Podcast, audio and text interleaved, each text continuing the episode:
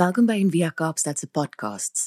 Vir meer inligting of om 'n bydrae te maak, gaan gerus na enviakaapstad.org. Goeiemôre almal. Ehm um, ek hoop dit gaan goed met jou. Ek hoop jy het 'n lekker lange naweek gehad. Ek uh is nie net so baie mense. Die Vrydag het ons verlof gevat en die skole was af en alles en dit is 'n uh, 'n gap om net so lekker te rus. So ek hoop jy het lekker rus. En uh as jy dit gevier het, dan hoop ek jy het 'n lekker Vadersdag ook gehad. Ehm um, ek weet hier by ons het ons baie vleis geëet en uh, lekker gekuier en dit was sommer net 'n mooi dag. So ons het Lukas 8 gedoen en uh Lukas 8 is 'n baie interessante ryk verhaal en uh Frida het dit so mooi gelees gister ook die verhaal van die besetene van uh Gesarene en die die verhaal het sulke lae en en verskillende plekke waar jy jouself kan inleef. So vandag wil ek vir vandag se meditasie jou net nooi na wat ons noem 'n uh, gospel contemplation.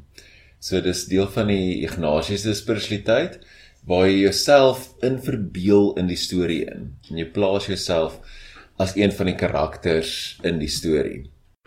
En hierdie hierdie hierdie manier nooi ons binne in die verhaal van Jesus in op 'n baie spesiale manier. Ignatius het gesê God praat met ons deur ons verbeelding.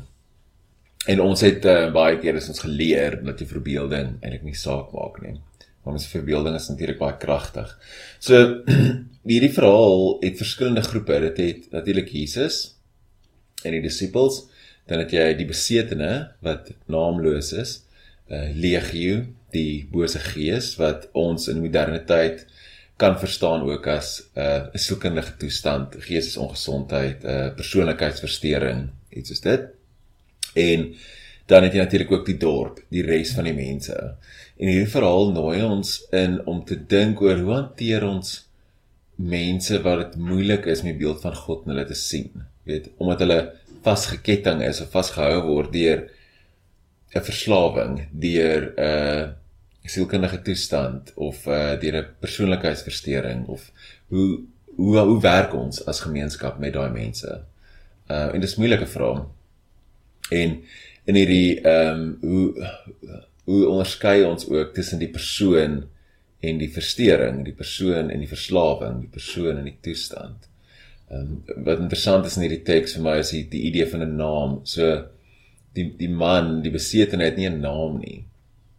En die demoon het 'n naam en Jesus het 'n naam. Die demoons, die bose gees praat met Jesus en sê ek weet wie hy is. Maar die persoon self het nie 'n naam nie. En dan daar's 'n in die middel van die teks dan vra Jesus, "Wat is jou naam?" En die klassieke interpretasie is natuurlik dat dit dat Jesus dit vir die bose gees vra, want die bose gees antwoord dan. Maar dalk doen hy nie, dalk vra hy dit vir die man. So kom ons lees die teks saam, 'n lang storie. Ons gaan dit saam lees en ek wil jou nooi om jouself regtig in dit in te verbeel. So ehm um, eh uh, Gera Gerasene, Geraseners, sorry Geraseners lê lê leg reg teen die meer van Galilea. So as jy ehm um, as ons wanneer ons Israel toe gaan dan bly ons net aan die oorkant ehm um, aan die wat nou Israel se kant sou gewees het en daai kant is waar die ehm um, gentiles gebly het of die heidene so die ander kant.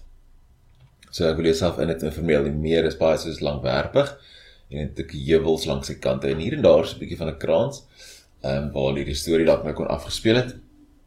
So verbeel jouself in hierdie in hierdie landskap in en saam met Jesus wat oorvaar dalk is een van die disippels dalk is dit die persoon wat moet vrykom dalk is jy uh, iemand op die dorp wat hierdie ding sien en nie met hierdie verandering kan deel nie wat ek al rede.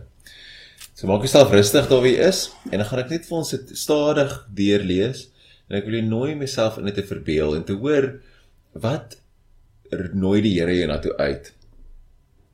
So kom ek lei vir ons 'n klokkie en dan lees ek vir ons.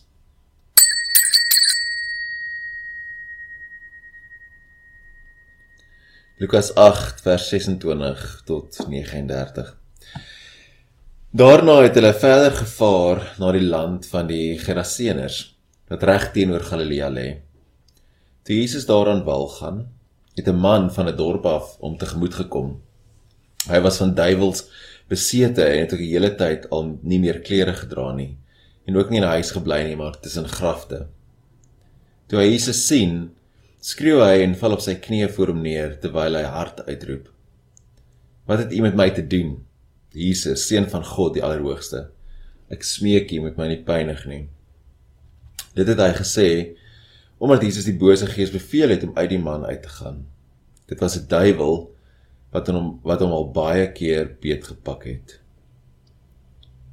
Al het hulle hom met hand en voet boeye vasgemaak om hom in bedwang te hou, het hy die boeye uitmekaar geruk en is hy deur die duiwel in die woestyn ingejaag. Toe vra Jesus hom: "Wat is jou naam?" Legio, antwoord hy. Want daar het baie duiwels in hom ingevaar. Hulle het Jesus gesmeek om hulle nie na die onderaardse diepte toe terug te stuur nie. Daar het 'n hele trop varke teen die berg geloop. Die duiwels het Jesus gesmeek om hulle toe te laat om in die varke in te vaar. Hy het hulle dit toegelaat. En die duiwels het uit die man gegaan in die varke ingevaar. Die trop sit op loop teen die hang af die see in en hulle versuip. Toe die wagters sien wat gebeur het, hardloop hulle weg en gaan vertel dit in die dorp en op die plase. Die mense gaan kyk wat gebeur het. Hulle kom by Jesus en daar kry hulle die man uit wie die duiwels uitgevaar het. Hy sit by die voete van Jesus, met klere aan en by sy volle verstand. En hulle het bang geword. Maar die wat dit gesien het, het vir hulle vertel hoe die besetene genees is. Toe het al die inwoners van die gebied van die Gerasenes vir Jesus gevra om van hulle weg te gaan omdat hulle baie bang was. Hy het toe in die skei geklim en teruggegaan. Die man uit wie die duiwels uitgevaar het, het Jesus gesmeek om by hom te kan bly. Maar Jesus het hom weggestuur en gesê: "Gaan terug na jou huis toe en vertel alles wat God vir jou gedoen het." Hy het toe gegaan en die hele dorp deur bekend gemaak wat Jesus vir hom gedoen het. Kom sit net so oomblik met hierdie woorde en dink 'n bietjie wat nooi God jou na toe uit in hierdie verhaal. Speel die verhaal so 'n bietjie af in jou gedagtes. En dink, hoe reageer jy? Wat het jy nodig om van vry te kom? Wie het jy nodig om jou storie te gaan vertel? Wat is dit wat jou vasbind?